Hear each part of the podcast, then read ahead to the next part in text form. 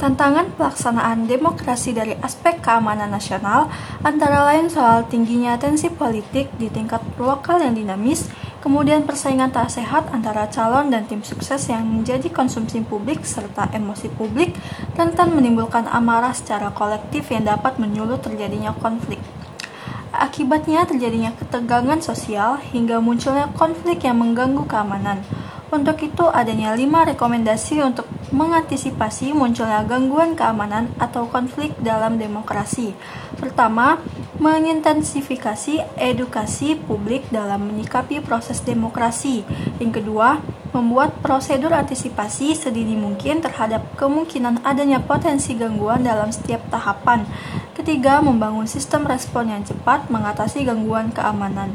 Keempat, membangun komitmen semua pasangan calon kepala daerah untuk menciptakan pilkada yang aman, damai, dan edukatif. Yang kelima, membuat kebijakan pelibatan TNI dalam mendukung terwujudnya keamanan selama pilkada sesuai ketentuan peraturan perundang-undangan berharap Korpasus TNI dapat membantu penyelenggara demokrasi di seluruh Indonesia. Demikian pula, pemerintah daerah mendorong agar meningkatkan kedisiplinan masyarakat dalam menaati protokol kesehatan.